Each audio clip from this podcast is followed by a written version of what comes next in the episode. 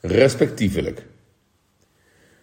In veel organisaties heerst een langdurige stammenstrijd over de structuur. Is de markt leidend, het product of het vak? Het is allemaal belangrijk en onlosmakelijk verbonden.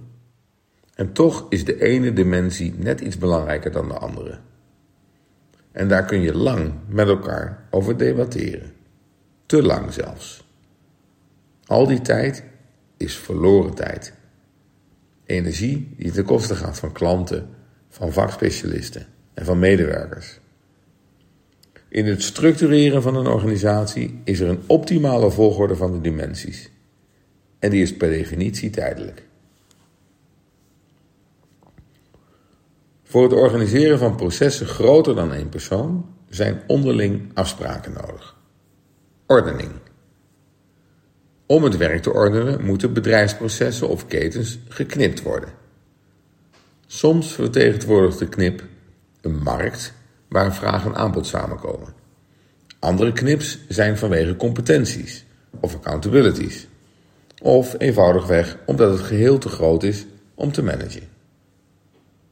Ook landsgrenzen, belastingwetgeving, doelgroepen, productcategorieën enzovoort kunnen relevante ordeningsprincipes zijn. Door de bedrijfsprocessen op te knippen ontstaat in de besturing al snel een matrixstructuur. Oeps, het M-woord. De matrix is een onding, volgens velen.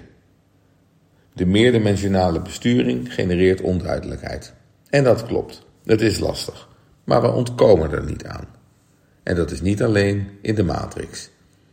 Ook moderne netwerkstructuren vragen om een ordenend principe om de onderlinge afspraken op te baseren. Terug naar de matrix. Wat is het leidende principe? Regio, businessline, markt, product, staf. Elke ordening is per definitie suboptimaal. Maar, zoals gezegd, ook onontkoombaar. En ook tijdelijk. De nadelen van een te lange marktfocus maken vanzelf een keer de omslag naar product- of vakdiscipline nodig. En daarom is een te lange discussie of zelfs stammenstrijd over structuur schadelijker dan de nadelen van welke keuze dan ook. De keuze qua structuur gaat slechts over de tijdelijke volgorde van de dimensies waarin we de executie van onze strategie het beste kunnen ordenen. Bepaal die volgorde en knip gewoon. Compenseer de nadelen van de structuurknip in de besturing. Door A. Zorg voor een adequate integratie in de top. Daar komen immers de lijnen bijeen en moet geprioriteerd en gemonitord worden, over de dimensies heen. B.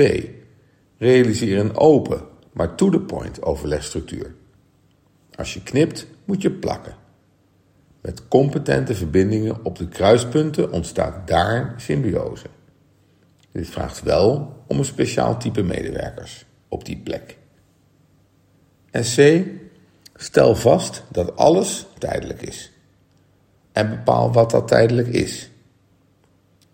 Elke vier jaar kantelen is waarschijnlijk heel gezond. In een kort kantelingsproces overstappen op het andere been. Op twee benen kunnen we lopen.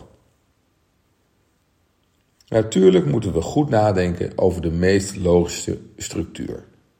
Maar voorkom een stammenstrijd vanuit het vertrouwen in de tijdelijkheid ervan. Alles is belangrijk, maar niet tegelijk. Respect voor de tijdelijke volgorde. Respectievelijk.